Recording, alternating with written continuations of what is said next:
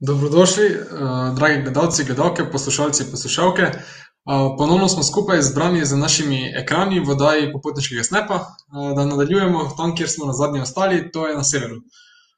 Preden se spet podamo na pot, bi za novince med nami še enkrat predstavil našo organizacijo in tudi današnjo gostjo. Torej, naše Popotniško združenje Slovenije je posebna nevladna organizacija, ki podpira turizem in učenje skozi potovanja med mladimi, mm, ter se sodeluje in organizira eh, s tem povezane dogodke, kot je tudi današnja spletna oddaja. Mesečno lahko na spletni strani združenja v digitalni reviji eh, Globetrotter berete in raziskujete popotniške zgodbe, potovanja na svete in znanje naših članov, torej prostovoljnih novinarjev. Eh, nekateri izmed njih pa tudi postanejo gosti popotniškega snepa.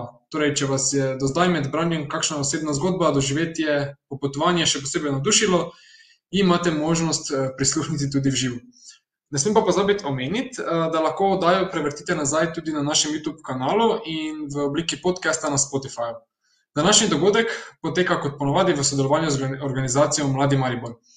Poleg mene lahko na ekranu vidite že nam precej domačo uh, gostjo, našo avanturistično prostovoljkinjo, ki že nestrpno čaka, da ji predam besedo. Torej, Veronika, ponovno pozdravljena, veseli nas, da si danes spet z nami in da nas boš ponovno popeljala na svoje severno doživetje. Torej, pozdravljena.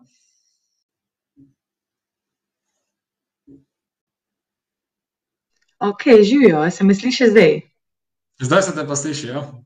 Okay, super, evo, živijo Tiljan in živijo vsem skupaj. Ja, tako je, ker si na Arktiki včasih stvari delajo, včasih ne, tudi z avtom je tako, prideš zjutraj, kdaj pa ti avto ne užge, čeprav ga, eh, pa ga probaš pol eno uro laufati. Pol pa končno uspe, no. Evo, zdaj pa trenutno tudi z mojim mikrofonom blatko. Se zgodi, ampak končno zdaj deluje. Ja, fajn si me prestrašila. Ja, evo, to je življenje na Arktiki, nikoli ne veš, in to boste tudi danes zvedeli iz moje strani. Um, vesela sem, da zdaj dela, da me zdaj slišite. Uh, in ja, še enkrat živijo vsem, sem Veronika. Um, in mislim, za vse, ki še niste spremljali prvega dela, zdaj v drugem delu vam predstavljam moje nadaljevanje severne dogodivščine, ki se je začela na Islandiji. Um, no, zdaj pa sem že nekje drugje, še bolj severno v arktičnem krogu. Uh, in zdaj bom pa povedala, kako je živeti na Arktiki, kako je živeti na minus 30 stopinj. Um, tako da, ja, evo, neče, gremo kar v akcijo. ja, bomo začeli. Bomo začeli. Okay. Torej, za vse, ki še ne veste, medtem, da se, se je že naložilo, sem um, sicer uh, končujem študij ekotehnologije in varstva okolja na uh, Visoki šoli za varstvo okolja, poleg tega sem arktični angel. Um, v, v bistvu to, je, uh, to sem že v bistvu vse povedala v prejšnji oddaji, tako da zvete, kdo smo arktični angeli, pogledajte prejšnjo oddajo.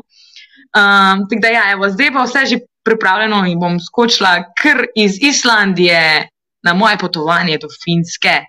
Ker samo sem v Arktičnem krogu na Finske. Jaz samo naše gledalce in gledalke pozivam, da lahko uh, svobodno postavljajo vprašanja in komentarje med predstavitvijo, ja. ker bomo odgovarjali tako med potekom in na koncu. Tako da izvoli, oprosti, da te prekinjam. Torej, ni panike, ker sem tudi zelo vesela vprašanj, tako da karkoli imate, vprašajte uh, in z veseljem odgovorim. No, zdaj pa da skočimo iz Islandije na Finsko, ker ja, na finskem sem. Um, zdaj, pr na prvi, če gremo nazaj na prvi slajd, je v bistvu moja zgodbica, kako sem jaz prišla iz Islandije na Finsko, dobesedno šestmesečno življenje, ki sem ga tam postavila, ali kako bi temu rekla, sem spremenila v treh dneh. Kar pomeni, da sem dobesedno spakirala kufre, dobila sem priložnost, spakirala kufre Eh, zvečer sem uh, rezervirala karto, naslednji, se pravi, en dan sem imela vmes časa, naslednji dan zjutraj sem imela pa že let. Tako da na tak način sem jaz prišla do Finske. Spet, tako kot sem Slovenijo zapustila v 14 dneh, sem Islandijo zapustila zdaj že v 3. In kakšna je bila ta priložnost? Tilen, ti že nekaj veš. um, ja, čas je, da zdaj povemo še takole. Ja, Božiček je rabo pomoč. Zelo zanimivo, ne? Božiček. Ja, sem v uradnem božičkovem uh, kraju oziroma mestecu na finskem, laponskem. In v bistvu rečemo, da me je pokli, božiček poklical en večer in, je, in sem dobila priložnost, da pridem kot njegov pomočnik, kot palček. In ja, tako je bilo izgledalo prazno letališče, ko sem se odpravljala, se pravi, seveda, v teh časih zelo pač ni tako veliko ljudi potovalo v tem času, in letališče je bilo prazno. In na drugi sliki imamo že zdaj moj pristanek, ko sem letela, eh, ko sem pristajala eh, na finskem. In če gremo naprej na naslednji slajd, mislim, da ne rabim zgubljati besed s tem, kako je bilo potovanje, ker takoj naslednji dan sem že imela pa uradni trening. Ali kako temu rečemo, um, oziroma priprave v mojo službo, palčka.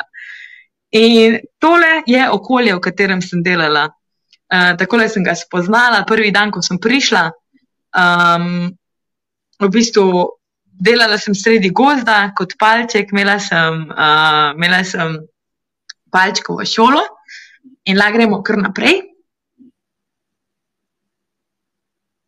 Na naslednji slajd. Uh, ampak da ne bom takoj začela govoriti, kako je bilo pomagati Božičku, vam bom pa najprej povedala, kako je bilo uh, v prostem času. Vidite na slikah lahko, da pač v arktičnem okolju uh, je po zimskem času uh, večino dneva tema. In jaz sem tukaj v decembru, ko je najbolj temno.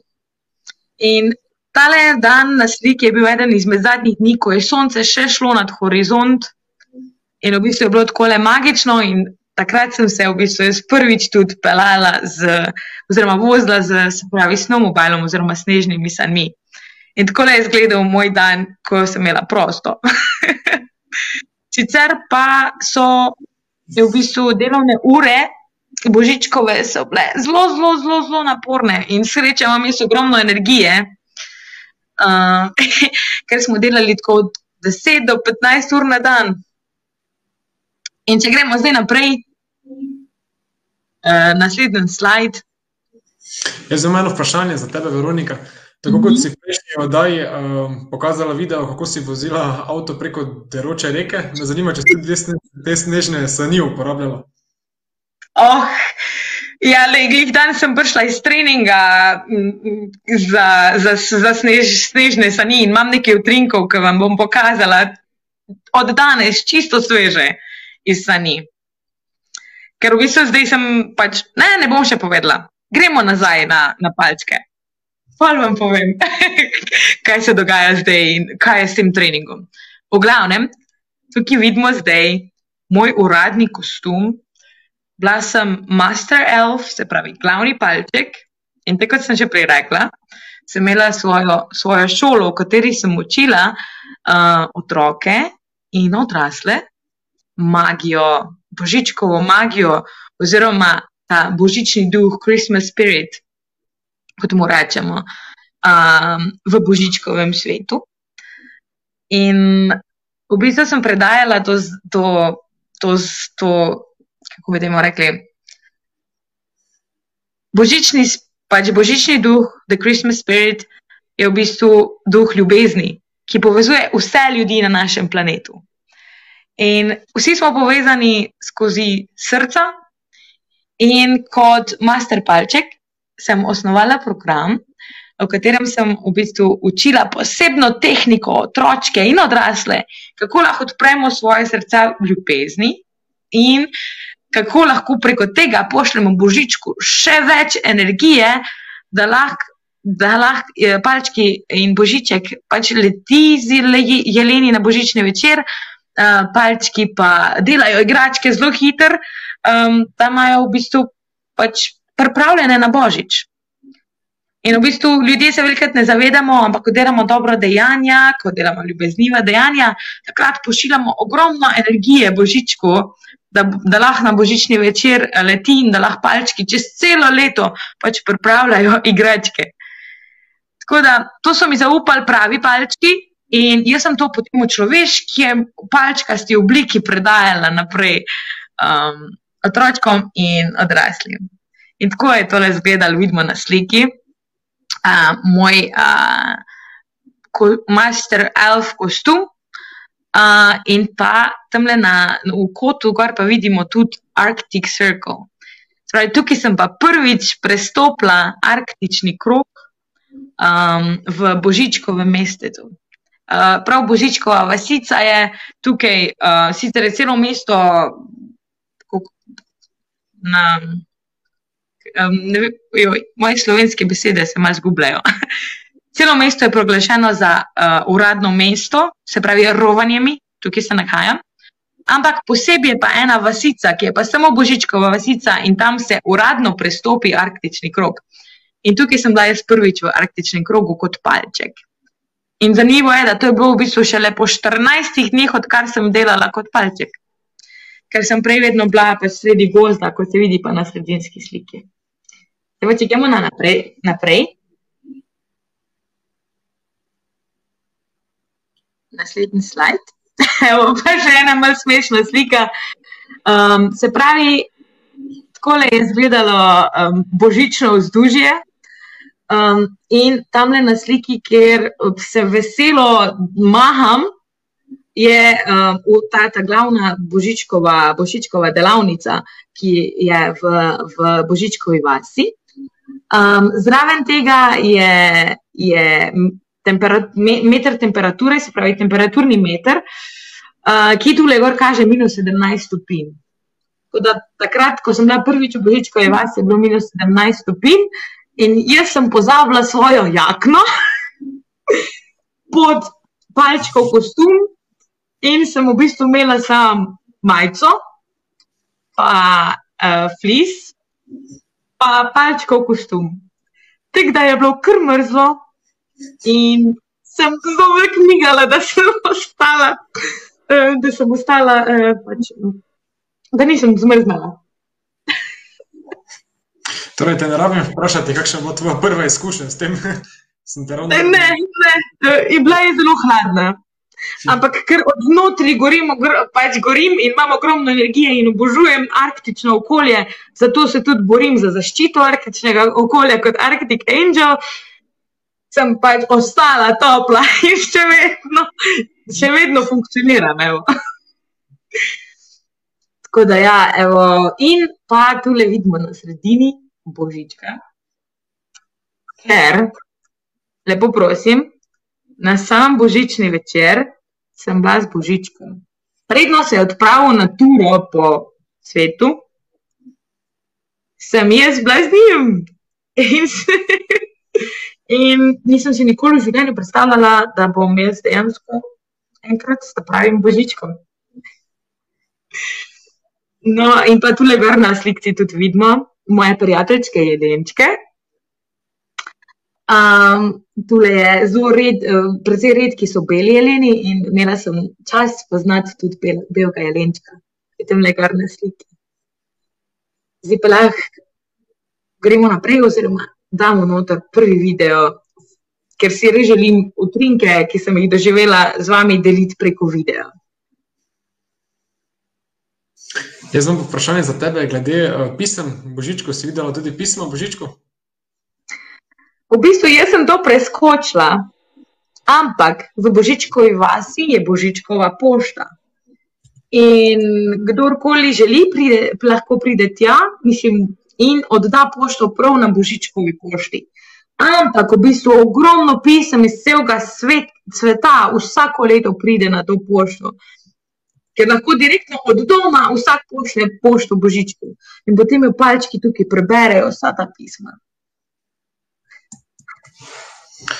Čudovito. Jaz bi pa samo povedal, da bomo video, video predvajali na koncu, zaradi tehničnih okay. težav pa bomo nadaljevali s predstavitvijo in s tvojimi slikami. Torej, videi vsi v kompletu pridejo na koncu. zdaj pa se predstavimo na novo leto. Se pravi, vemo, da pač božič in novo leto sta zelo skupaj in v bistvu enkrat, ko, boži, ko božiček pač dostavi vsa darila, potem palčki in mi, človeški palčkasti pomaga, pomagači, takrat imamo pa malo dopusta v tej obliki. In ampak. Smo se prelevili, palčki smo se prelevili v nekoga drugega. Se pravi, najprej smo mislili, da bomo imeli malo počitka, ampak ne. Pal, ta pravi palčki imajo počitek, božiček tudi, še vedno. To, da vam povem. Ampak mi, človeški pomagači, človeški palčki, smo se pa prelevili v trole na novo leto. In tu lahko vidimo utrinke novega leta. Je bilo zelo, zelo, zelo magično. Um, seveda sem pogrešala svojo družino in svoj svoj krog ljudi doma, ampak za tole novo leto v krogu mojih pal, moje palčke ste družine, oziroma tukaj trolaste, je bilo res eno izmed najlepših novih let in nepozabna izkušnja. Eh, in v bistvu, ja, to je bilo moje delo. Um, in mislim, najboljše delo, kar sem si ga lahko želela za novo leto. In ja, tako ti kostumi, naprimer, uh, so bili v bistvu zelo, zelo težki, moram reči. In naslednji dan uh, so v bistvu vse nas smo, smo se spraševali, a tebe tudi kje roke bolijo. Da smo bili vsi, ja, mene tudi. Smo gotovili, zakaj nas roke tako bolijo. In je bilo zato, ker so bili ti kostumi tako težki. In zdaj, ampak za novo leto je bilo tudi okrog minus 20, ampak tukaj v spodnji sem pa v bistvu čiska mod imela samo majico, ker smo cel večer plesali. In nam je bilo zelo vroče. Se pravi, tudi na minus 20, pa če si vzuni celo noč, je lahko zelo vroče. Okay. Zdaj pa videi bojo na koncu, zdaj bomo pa kar preskočili še naprej. Se na te fotografije zgleda zelo vroče, ja? tudi če, če prav gledamo, da je zunaj na minus 20. Mm -hmm. Ja, ja je, je bilo res je bilo vroče. Vsi smo bili teklo na medal. Moram povedati, res. Eh, pa ne samo mi, tudi gosti, zato ker smo um, naredili žurko in smo v bistvu vsi v zuni v takem pravličnem, magičnem, ogromno svečk in ogromno snega boste videli polo posnetku, kako je to izgledalo. Res je bilo magično. Um, smo v bistvu res imeli prav, ta pravo žurko za novo leto. In v bistvu je res, da so se, se pravi, korona restrictions, se pravi, um, kako je to v slovenskem jeziku, mi pomagaš. Ja, korona omejitve, lahko rečemo tudi. Omejitve so se v bistvu za novo leto nažalost zaostrile. Ampak, ker je bil bilo to pač na odprtem, uh, smo v bistvu lahko imeli uh, lahko normalno, normalno, na minus 20, uh, praznovali novo leto. No, in zdaj smo preskočili v današnji čas. Zdaj smo preskočili v čas, ko sem jaz se prelevila nazaj v človeško obliko, tako kot me vidite, me vidite zdaj. In uh, v čas, ko sem v bistvu se jaz odločila po decembru, da, da še ni čas, da grem nazaj na Islandijo, da še ni čas, da grem nazaj v Slovenijo, ampak da ostanem tukaj. In zdaj nekaj časa sem se odločila, da bom živela tu. In tako, kot vidite na sliki, tako zdaj izgleda moje delo. Namreč zdaj sem guide oziroma vodička za dve podjetji, tukaj je Lapland Safaris in pa Parpalandija. In tako le izgledajo moje vsakdanje. Pravlično je, še vedno, čeprav ni več tako palčkasto. Mm, na prvi sliki zgoraj lahko vidimo tradicionalno finsko koto, se pravi kota, To so stavbe, ki so v bistvu postavljene, modernizirane stavbe inuitov oziroma sami ljudi, se pravi, ljudi, ki živijo v teh, v teh na, v, na Laponskem. In včasih je to izgledalo tako kot taki šotori, uh, in so v bistvu postavili tako palce, kot tak um, indijanski šotor, rečemo. Uh, in so tako okrog postavili palce, in uh, okrog je bila potem za zaščito pred vetrom uh, koža, se pravi, reindeers, reindeers, uh, reindeers so po slovenščini. Jeleni. Jeleni, tako. Koža jelenov. In na vrhu je bila taka odprtina, ko je lahko vidimo tudi tukaj, gor na sliki, da je en dimnik na, na, na tej koti. No, včasih so imeli tudi dimnik. In v bistvu je bila samo taka odprtina, kar, in ker so mogli pač ostati top, pač se pogreti, so noter vedno v svoji hiški zakurali ogenj. In v bistvu zgoraj je bila luknja odprta, da je dim šel ven.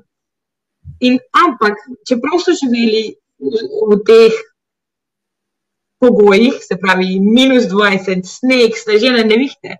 Sneg nikoli ni prišel noter v koto, zaradi, zaradi temperature, um, pač razlike v temperaturi med znotraj in zunaj, kot ena zanimivost. No, in to na sliki je pa zdaj ta sodobna imitacija te kote, um, v kateri se pa zdaj pogrejemo, potem, ko imamo uh, ture v bistvu vodim različne ture od Haskijev, kot jih vidimo tam le spodaj na sliki. Pa tam le na sliki imamo crklanje Haski, ki pride po vsaki turi, ker res, res imajo radi crklanje. In pol noter nadimo takle ogen, kot se vidi tam le na sredini na sliki. Uh, ker pač, ko se voziš z sanmi na minus 20, pol je kar mrzlo.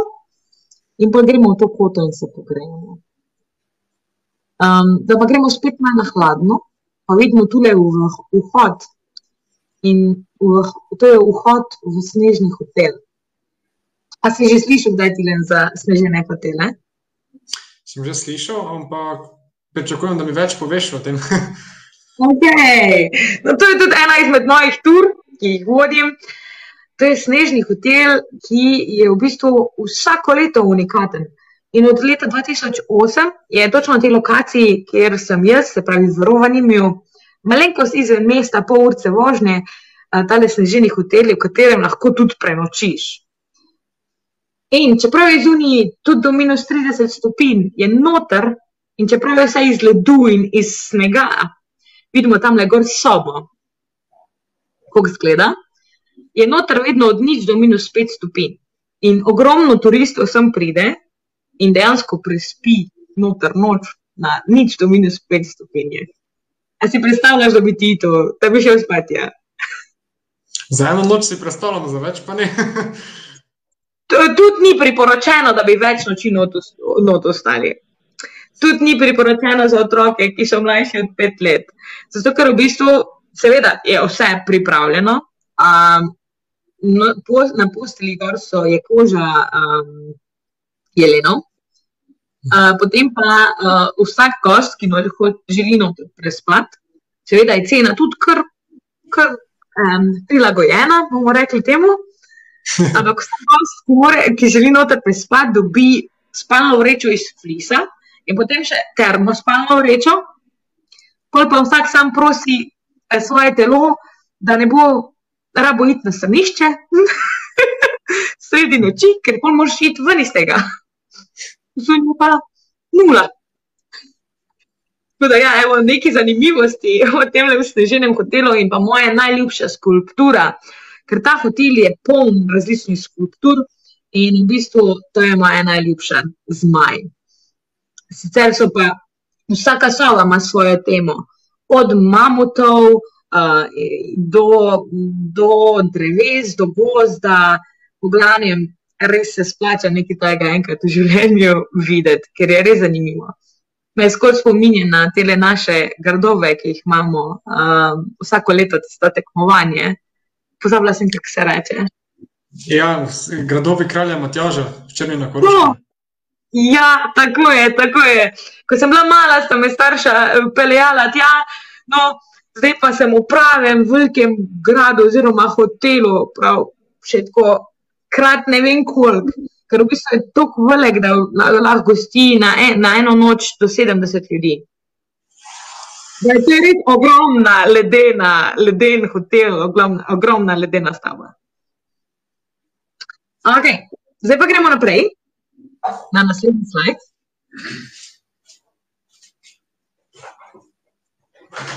In Zdaj pa nadaljujemo z mojim delom. In tole so ravno sveže fotografije danes. Tisti, ki ste videli moj, eh, moj story na Instagramu, pa na Facebooku, sem vam povedala, da dejansko sem zdaj le dve ure nazaj prišla iz celodnevnega treninga. Treninga za vodičko uh, snowmobiling tour, se pravi tur z sneženimi sanmi. Ker pač, ko sem se jaz prvič usedla na snežene sani, um, ne znam opisati tega občutka, ampak takoj sem se zlila s sanmi in pač so vsi rekli, wow, mislim, da si resno prvič na saneh, ti furaš v dober. in takrat sem se odločila, jo, jaz bi pač želela si s tem, s tem več delati. No, in v bistvu Lapland Safari so mi zdaj dali priložnost, da sem danes naredila trening in bom lahko imela zdaj veliko več tur, tudi na ta način, s tem prevoznim sredstvom. Se dobro sliša? Se dobro sliši, zdaj pa ti meni povej, eh, kaj ti je bolj všeč, prevoz s temi sanmi ali s husky? Uf. A veš, to jaz ponavadi vprašam moje, moje goste, ne? Zdaj sem pa jaz dobila to vprašanje. Uf. A veš, da je zelo težko. Verjamem. čist drugačen občutek je. Ker ko greš s husky, um, imaš nekako še toliko večjo odgovornost, ker si ti tisti, ki skrbi za varnost, ne samo sebe, ne samo ljudi, ki so pred tabo in za tabo, ampak tudi za varnost psov. Ker v bistvu, in, ampak je res, da se z njimi poleg tega tako povežeš in res čutiš njihovo moč. Um, in ko vidiš, kako so oni res navdušeni, da, da, da, se pravi, da, da vlečejo, mislim, ker se zbudi nekaj v tebi in začneš kar ti tam skaski skakati raven. Tako da ne znam povedati, kaj mi je boljše, zato ker ima vsaka izkušnja in husky in snowmobiling um, svoj čar. Ampak nekako jaz osebno, ne da mi je boljše, ampak se raj vozim sami. Da samo Kar je pobožni, zanimivo. težje, jih teže pobožaš, tako kot husky. Ja, to je res. Evo, raje se vozim s sanmi, um, ker imam v bistvu tudi lažje je kontrolirati te sani, kot pa, kot pa pse. mislim, tam je zelo velik, mislim, lahko se zgodi, um, mislim, to se pravi, ne ko so ture s strankami, ampak ko gremo sami na ture, se lahko zgodi, da pač psi kdaj mogoče ne poslušajo. Um, pa tako naprej, pol pa imaš take različne zaplete, uh, medtem ko pač pri, pri mašinah tega ni. Um, in pa tam moš tudi zelo ahtati, naprimer, um, nikoli ne smeš dati dveh, naprimer, nekateri psi se med sabo ne marajo. In ti moš pse poznati in moš vedeti, kje pse daš skupaj, lahko, kje pa ne. Ker v bistvu uh, husky se pravi fajta, oziroma ko se oni napadejo, tega, tega ni priporočljivo videti v življenju in tudi jaz upam, da nikoli ne bom, ker takrat je pa gre za življenje. Tako da ja, in tudi iz te perspektive imam jaz raj uh, v tem smislu snowmobiling, zato ker uh, tukaj pač je le mašina in jo v bistvu jaz kontroliram uh, v polnosti, ne? psi imajo pa svojo, svojo, svojo glavo. Še dva argumenta imam za proti, da je okolju bolj Mhm. prijazno, S Husky pa da tudi bolj avtentično, po mojem mnenju. To je res, to je res. Zato pa jaz pravim, da je treba poskusiti oboje. In pa res je okolju bolj prijazno, se strinjam. Imamo pa tudi v bistvu uh, vedno tukaj ekomode, tako da malo bolj naredimo na ta način. So pa tudi podjetja, s katerimi jaz žel, pač želim priti bolj v stik, uh, ki imajo pa scientific tours, se pravi, ski, ski scientific tours se reče.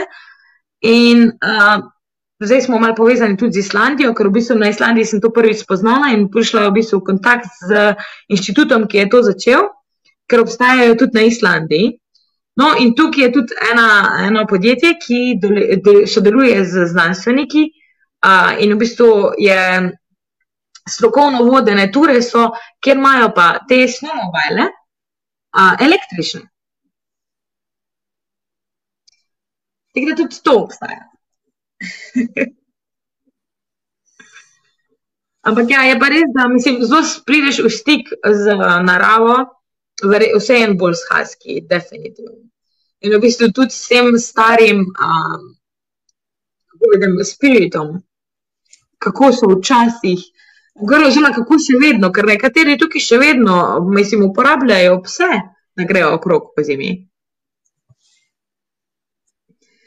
Um, ampak res prideš v stik s to kulturo, z, um, da si predstavljaš, kako je bilo včasih teh, tem, um, se pravi, reindeer pastirjem uh, jelenov, ko so, ko so v teh, teh temperaturah, zato v koti, sredi sneženih neviht na minus 30, 40, um, pač skrbeli za svoje jelenčke in zraven se pač okrog hodili z Husky. Ne?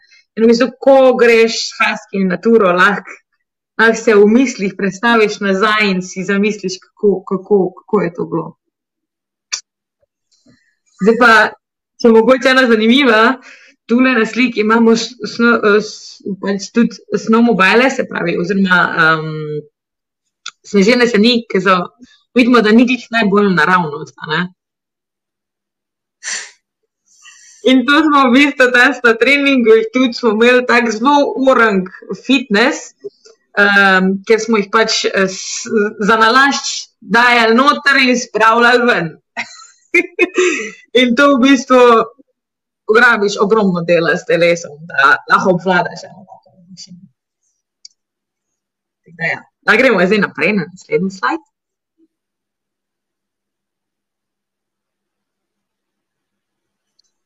In zdaj tole sem pa pustila za konec.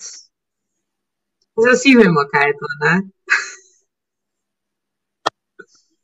In ti le vem, da si ti komi čakal, uh, da, da pridemo do tega. Do tega ja, to je moje največje zanimanje. Ja. Glede na to, avantur.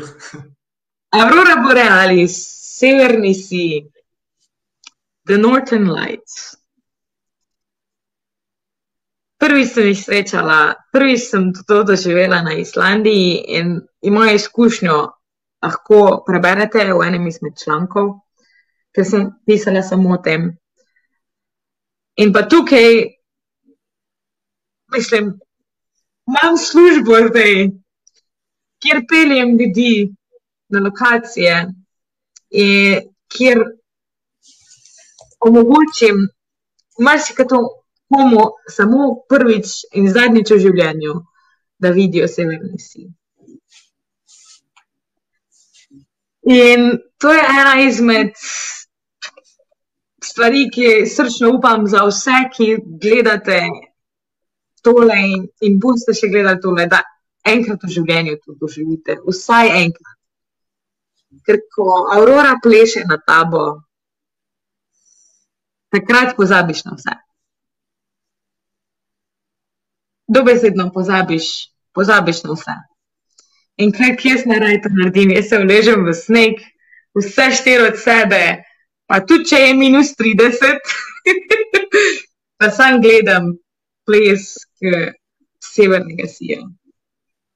In ne vem, ne znam z besedami opisati, kako je to magično. In tu na sliki lahko vidimo imam srečo, da imam zelo zmogljiv telefon um, in imam opcijo ponovno moda, da lahko delam take slike. Um, ker v bistvu v živo je mogoče malenkost mečken manj za te zelene, ampak vseeno je točno tako, kot se vidi tukaj na sliki. To so res vrhunske fotografije za telefon, po mojem mnenju. Ja, res je. Uh, in potem na sliki spodaj vidimo še pa manj ognja zraven in ljudi. No, in tukaj, kdaj gremo, pač mi gremo kdaj na lov za severnim sijom, zdaj odvisno je, s katerim podjetjem delam, ampak v, no, v, v zelenim podjetjem takrat uh, v bistvu sama, uh, pač, ker znam, že na Islandiji sem se naučila, vse parametre in vse pregledati, pač to dejansko niti ni tako enostavno. Um, da vse pač pregledaš in pol prebereš, razbereš lokacije, kje je v bistvu najboljša možnost, da se v večeru, ene večeru, ko greš ven, dejansko aurora res pač vidi. Ampak to je pač star matere narave um, in v bistvu ne moreš nikoli točno, točno, točno napovedati. In dejansko vsaka aurora, ko jo vidiš, je blagoslov, je velika sreča, da jo sploh vidiš. Me velikrat pa se vprašajo, kje pa je najboljša lokacija, kdaj, kdaj časovno pa moram jaz gledati ven. Točnih podatkov ne more noben dati, ker je vedno pač gremo na lov. Mene pa zanima, v poprečju, koliko krat ti je uspelo videti, ko si šel na lov? Um, Zaenkrat, uh, v bistvu, je bilo samo dvakrat, da je nisem videla. Od približno? Od, um, od januarja. Videla sem ga okrog 15 do 20 tudi. Torej, zelo pogosta je možnost, najverjetnost. Ja, ja. Zelo, zelo, zelo verjetno je. In v bistvu, glih zdaj, prejšnji teden, uh, sem v bistvu jaz povedala, da je fiksna tura, jaz sem bila odkrita z strankami. Pogled, ne vem, ne vem kako danes, ker je pač vse oblačno. Ampak akti, pač aktivnost je bila pa izredno, izredno dobra. Se pravi, eden od parametrov je bil izredno dober, eden pa ne, ker je v bistvu solarna nevihta, uh, ki je zadela planet Zemlja, bila tako močna, da je zbila iz, in v orbiti je zgorelo okrog 70 satelitov. In posledica te solarne nevihte, oziroma nasplošno solarnih neviht, je aurora. Zdaj, točno vam ne bom povedala, kako vse to deluje, zato ker če hočete vedeti, bolj boste prišli z mano na turo, pa me boste prišli obiskati. In takrat vam lahko razložim vse um, glede aurore, um, znanstveni vidik, pa tudi razne zgodbe. Ampak v glavnem, po tej je bila tako močna aktivnost, da je bilo vse oblačno, ampak mi smo videli auroro čez oblake. Kar je jaz iz Islandije, niti enkrat nisem videla auroro, da bi si prišel tako močno čez oblake. In je bila res ena izmed aktivnosti, ki je bila ena izmed najmoč, najmočnejših v zadnjih parih letih. In sem imela srečo, da sem to doživela zdaj na Islandiji enkrat, kjer je bilo tri dni dobesedno vse zeleno. In zdaj še pa tukaj, da je bilo tako močno, da smo videli auroro čez oblake. Čeprav sicer je bilo pa nebo verjetno tudi popolnoma zeleno, ampak nažalost je pač nismo mogli biti tako jasno. Zdaj gremo naprej na naslednji slajd. Še imam eno vprašanje za tebe, Veronika. Kako hitro pa se premikajo te pojave na nebu? V bistvu bomo lahko videli na čista zadnjem videu, ker v bistvu ta tisti video, edini video, ki ni moj, ampak je od mojega sodelavca, ker moja kamera za snemanje video pa ni tako zmogljiva. Uh, ampak dejansko to pleše Zdaj, kdaj se pojavi in zgine? Kdaj je na nebu po dve, tri ure ali pa celo noč? Kdaj je na nebu pet minut? Kdaj je na nebu pet minut, pa zgine, pa je spet pet minut? Se pravi, nikoli ne veš točno, kako in kaj, zato moraš vedno imeti odprte oči, ko greš ven. In uh, kdaj se ponovadi začne kot taka siv, sivkasto bela, misliš, da je oblak, ampak vidiš čez zvezde. In takrat, ko to vidiš, ampak dejansko je to zelo težko uh, z očmi, če tega ne poznaš, dejansko zalotiti, da je čas zdaj, da boš začel gledati nebo. Ne? Uh, in vem, sem imela tudi izkušnjo, enkrat, ko smo šla jaz, pa še moj kolega, smo imeli skupaj turo. In je v bistvu on že obupal nad Auroro, jaz sem pa rekla, verjamem mi, danes bo.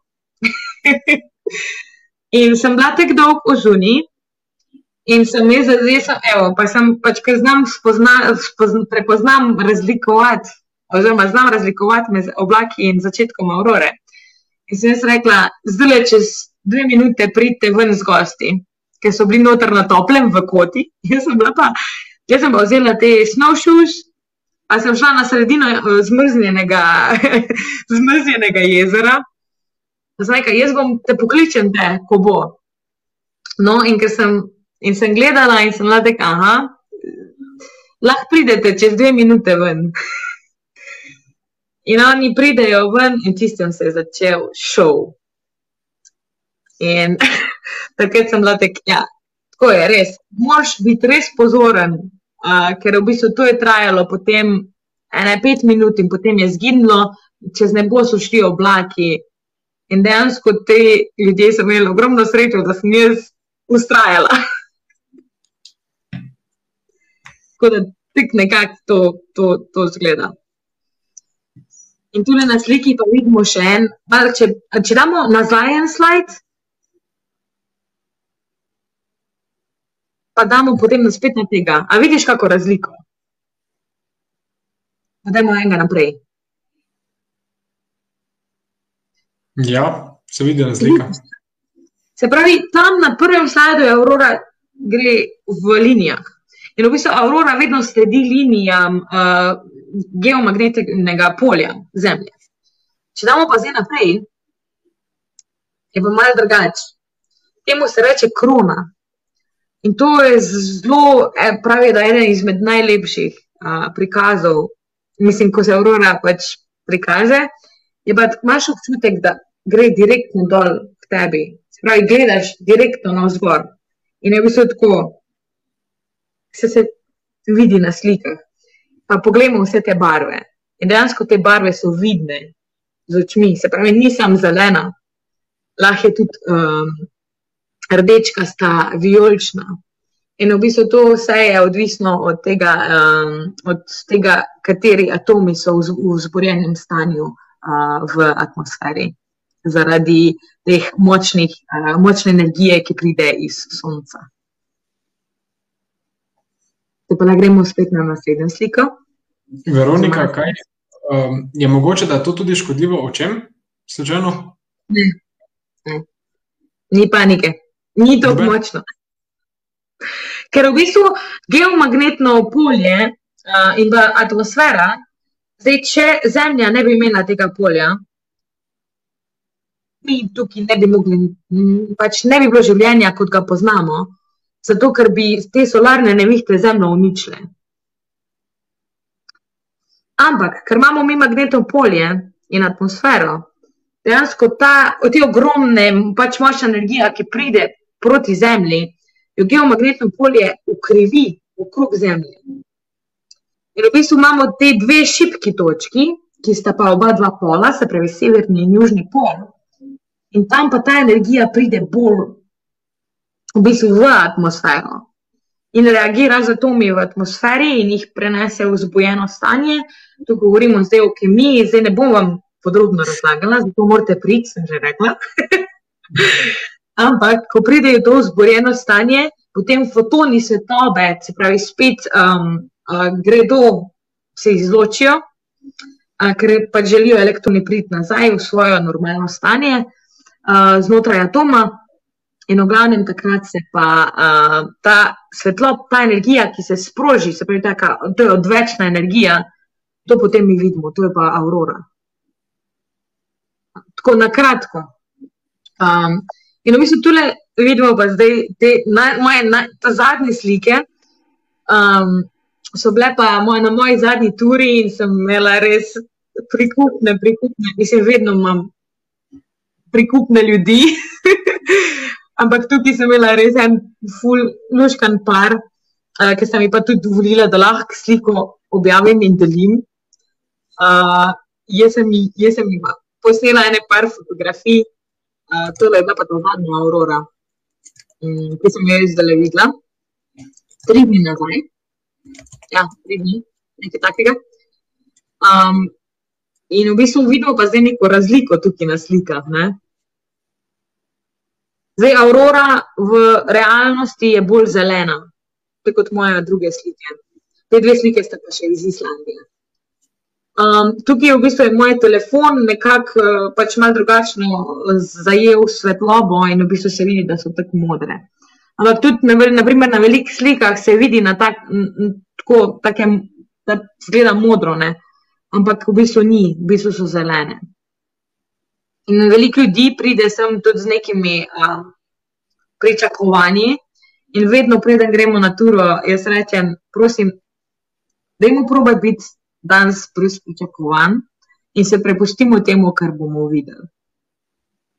In ponovadi se vedno potem vsi očarani, ko vidijo, kako je pač dejansko.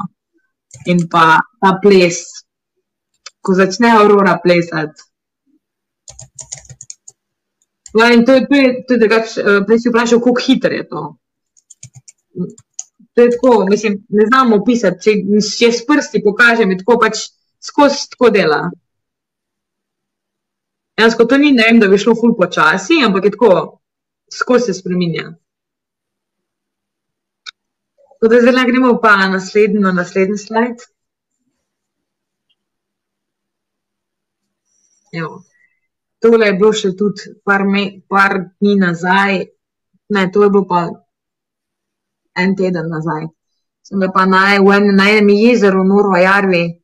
Um, to je bilo takrat, ko, smo, Auroro, ko sem imela ona dva, ona, ona, ona, tako sem imela samo dva gosta. Ko sem imela tako srečo, da sem jaz ustrajala. In smo res na hitro videli, potem je bilo pa vse. Zdaj pa mislim, da če gremo še na zadnji slajd, mislim, da je mogoče biti zdaj zadnji pred videi.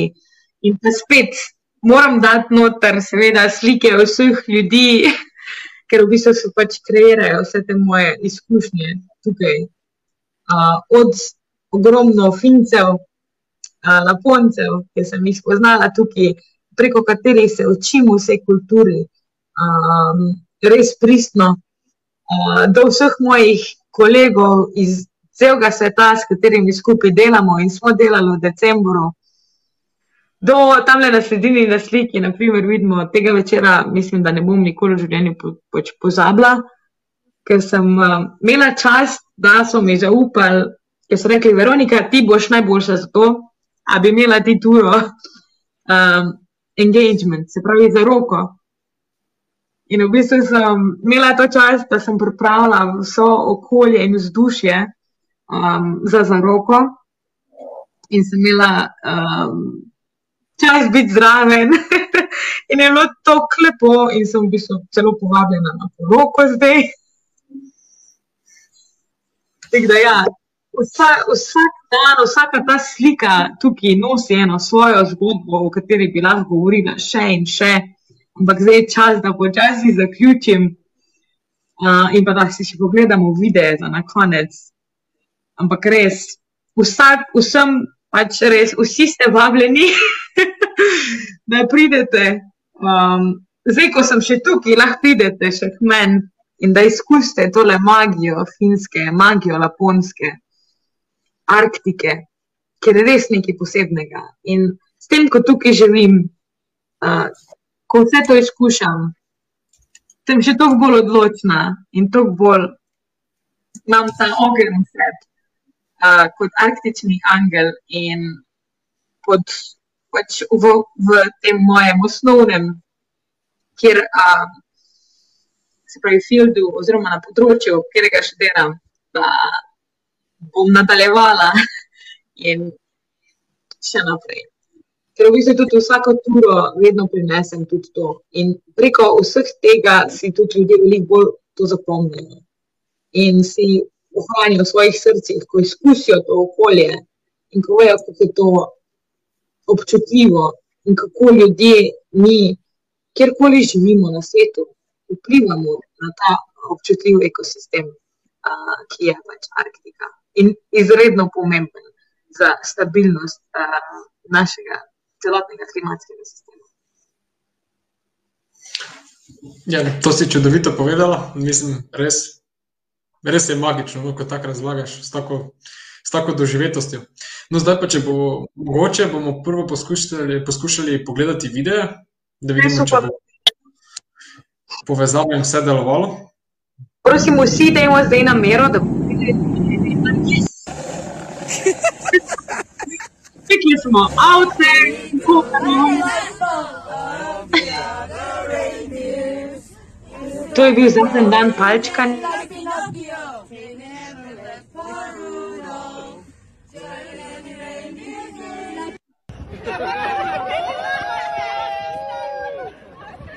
So pa videi zdaj zaštekali. Joj.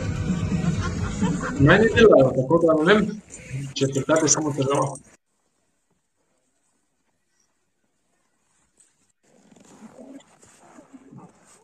Mislim, da je na Veronike ima priložnost doma, ampak glejmo dalje.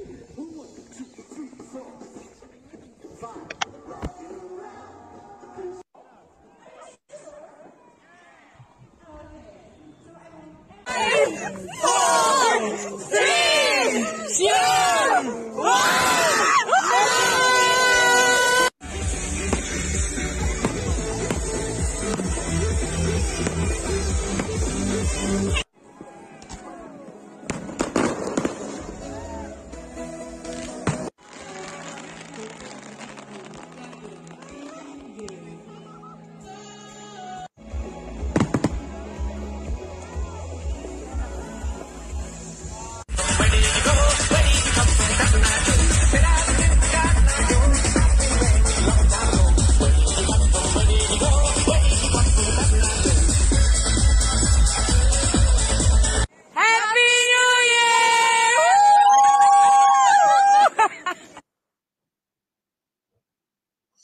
Zdaj si bomo pogledali še naslednji video. Veronika pa se nam je priključila takoj nazaj. Pa, tega, da se, o, oj, vada.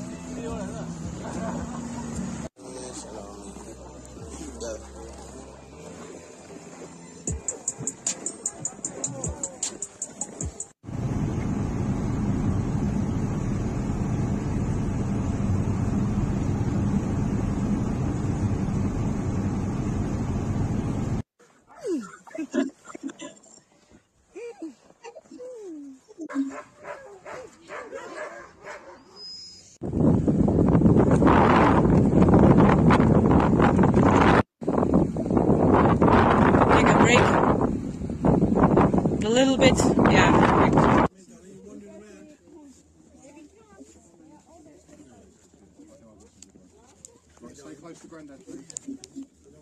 Yeah, but, yeah, I have the drawing application. I was trying to, yeah. Yeah, Yeah, because the studies is uh, what I want to learn then. trying to enjoy But I, nature I don't know where to start. ourselves and take Ok, se me sliši? Samo lahko si kar tiho, ko čemo video. No, s- ponagajajo tale arktični mraz. Vidimo na, sli, na videu minus 17, tudi trenutno je tolk, minus 17.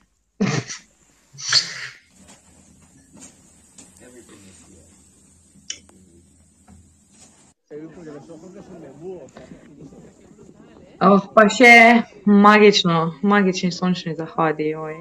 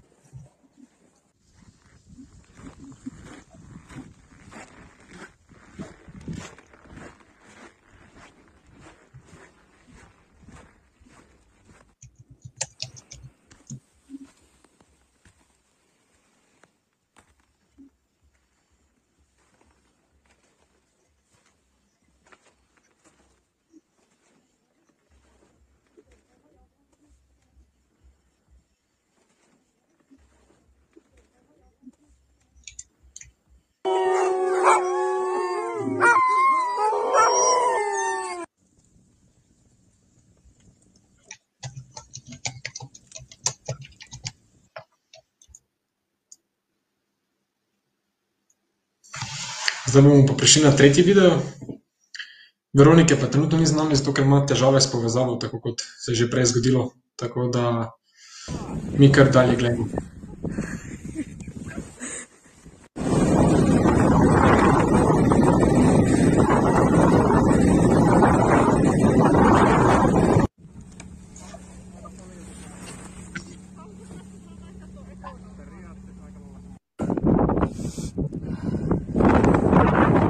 Evo, tako izgleda, ki, ki moraš spraviti, uh, tako si zadihan, ko moraš spraviti ven, evo, um, snežne za njih.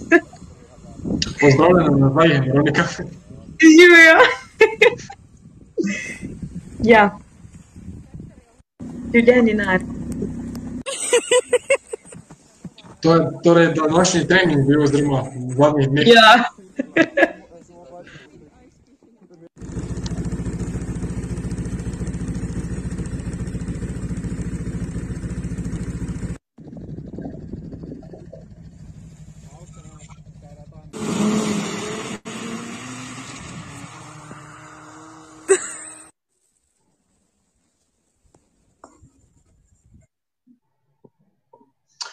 Zdaj pa gremo še na zadnji video.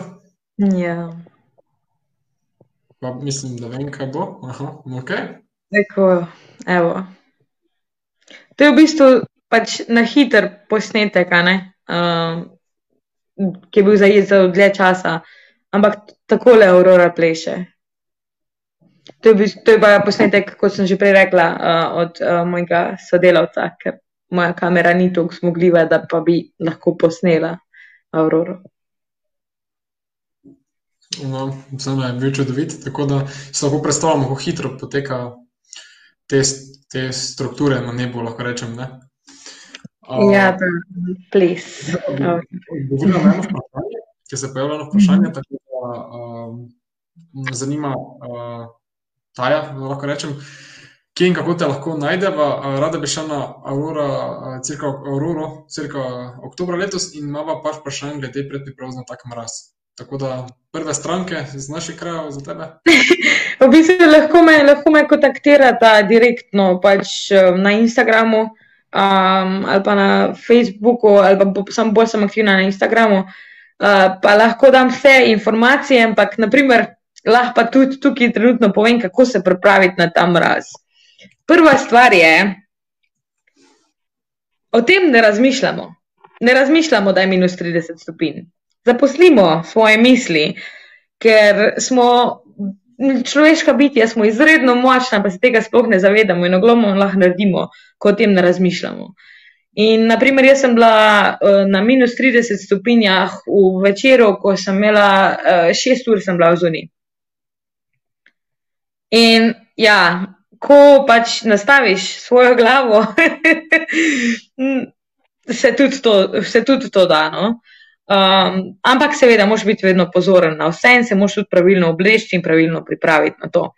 Kar pomeni, da moraš imeti ustrezne uh, lejerje, se pravi plasti, kot čebulca, tisti, ki smo planinci, tisti vemo, kako se obleči kot čebula. V glavnem, to tudi tukaj, tukaj pač je treba upoštevati. Um, definitivno ne nosiš tukaj kavbojk, definitivno ne nosiš tukaj uh, tudi ne bombažnih štunkov. Tu nosiš merino volno, tu nosiš um, umetne materijale, ampak jaz imam veliko raje merino vo- vo- vono, ki upijejo tvo, tam pod tvojega telesa. Ker če si ti pač cel moker in naprimer, če damo primer um, bombaž, upije to in se pač ne posuši hitro. In če imaš bombaž tukaj na sebi, ta zamrzne gor na koži in to ni dobro. Se pravi, moraš res se pač prej podučiti, na kak način se obleči. In v bistvu lahko tudi, ne vem, ti smučarski seti so v redu za spodi, ampak naprimer jaz sem vsak dan oblečena, uh, imam trojne štumfe gor, zad, uh, merino volno, ta tretji štumfi so volneni, čista, 100% volna in pa termo čevlji. Um, posebej za ta okolje, ki smo jih videli na posnetkih, tam, ko se vidi, ko sem na snowmobilu. ne. Uh, potem imamo, imam te lejerje, imam vsaj tri na sebi, pa smučarske hlače po vrhu, oziroma delovne hlače, oziroma moj pač je outfit um, vodiča. Uh, ko smo ga videli tudi tam na, na, na slikah, uh, prej od Aurore. Uh, to je moj Lapland safaris, ko imamo te modre jakne. V glavnem, vse to so v bistvu pač termo oblačila, ki služijo svojemu namenu in so prv, pač narejena samo za to. Se pravi, v spodnji imaš ti le, te, vse te lejerje in imaš ti svojo bundo. In vedno, ko greš na ture tukaj, moraš, se pravi, kamorkoli boste kdaj šli na Arktiko, oziroma na take ekstremne temperature, če greš na turo, podjetje ti mora zagotoviti, uh, pač, da imaš tudi ob, termo oblačila, se pravi, rečemo temu overall, se pravi, kombinezone po vrhu. Ker sem opazila tudi, da, naprimer, uh, ko sem imela jaz turo, je nekdo, eno drugo podjetje prišlo na isto področje in mm, ljudem niso dali overallov. Bilo je pa v zuni minus 27. Tek ne moreš biti v zuni. In potem so bili v avtu in so šli ven gledati Auroro in potem so šli nazaj v avto. To niti ni neka pač izkušnja, tista pristna. Ne? In ja, v glavnem, tukaj moraš imeti, se pravi, tri lejerje, pa svojo bundo in smučarske hlače, potem imaš pa po vrhu, ko, ko prideš kot turist, imaš pa po vrhu še ta overall oziroma kombinezon. Um, no, jaz, jaz sem se dosti navadila na te temperature, tako da pač jaz imam samo to svojo delovno uni- uniformo na sebi, uh, pa imam pač v spodnji tri tanke uh, plasti. Tako da ja, zelo se je zanimivo pač obleči in pripraviti na to. Definitivno pa pač za otročke, tisti, ko pač bi radi potovali v tako okolje z otročki, takrat je treba pač stvari res prilagoditi um, otrokom. Ker to so tudi ture, ki so, naprimer, ko greš haski ven uh, in v bistvu haski grejo zelo hitro. In takrat tu čutiš, um, pač veliko bolj čutiš mraz, ker v bistvu ta veter pač piha vate. In takrat se, ne vem, minus 15 čuti minus 25. In moraš biti na take stvari pripravljen, in zato pač mi vedno ekstra skrbimo za, tudi za, za otročke, ko jih imamo tukaj na turah. Lepo predstavlja na dolgo in široko. Ja, evo, ker tu je v bistvu dejansko je o tem ogromno znanja, kako se oblečiti in kako v bistvu varno hraniti svoje telo, da nimaš, uh, da nimaš omrzlin. Tudi jaz sem jih že imela. Pač moje prsti so že bili čist uh, omrzline prve stopnje sem imela. Torej, je stvar resna. Ja, zelo hitro se to zgodi. Jaz bom pa zdaj na znanju, da smo prišli do konca našega poučnega druženja, že ura preganja, tako da Ja, Um, tako je. Zdaj v sklopu obeh delov Avantur Severa smo obdelali kar dve države Severne Evrope a, in spoznali Veroniko skozi njena bogata potepanja, a, delo v tujini in seveda druženje. Ne? Takšnih zgodb lahko rečem, da ne slišiš vsak dan. V imenu popotnega združenja bi se ti rad zahvalil, Veronika. Mm, Hvala. napornem in lahko rečem, delovnem življenju na Finskem in prej na Islandiji. našla večer za nas in, in nas naredila lačne potovanje. Pa tudi si nas pripričala, da pridemo k tebi, kaj pozdraviti ne, na Finsko. Uh, Ja. bilo- Hvala vam za povabilo in da pač sem imela priložnost. Ker ja, res je, da je moj delovnik zadnje čase zelo naporen, ampak sem si vzela tale, tale, tale čas, ker res je nekaj, kar želim deliti um, in še komu omogočiti ali pa spodbuditi, da, da, gre, da gre ven iz svoje te udobne cone kdaj in da še kaj takega poskusi. na minus 30 stopinjah Celzija. ja. uh, trdno to verjamem, ja, da smo vsi, ki smo to danes gledali in poslušali, torej uživali in ostali navdušeni. Res. Um, za dodatne informacije pa smo že zadnjič povedali, da te lahko kontaktirajo preko Instagrama in Facebooka. Je tako? Tako. No, uh, vam, poslušalci, poslušalke, gledalci, gledalke, hvala, da ste si vzeli tudi vi čas in se nam pridružili. Hvala tudi za vaše zanimanja, vprašanja, komentarje in tako naprej. Uh, če imate tudi vi kakšno izjemno življenjsko izkušnjo, popotniško izkušnjo, lahko postanete gosti naše oddaje ali pa morda popotniški novinari, ki jih spremljate tako v reviji Globetrotter kot sedaj v oddaji. Um, torej, morate vedeti, da so za vas vrata vedno odprta. Um, to je vse z moje strani. Še enkrat hvala, Veronika. Um, in Hvala. Ne vidimo v živo, uh, uživaj Tudi in tebi. pridno delaj. Ne? Tako da uh, za več informacij o naslednji oddaji pa spremljajte našo Facebook skupino Poceni potuj in, in se izobražuj. Tako da to je za danes vse in se vidimo do prihodnjič. Bom vojaš. Hvala, adijo.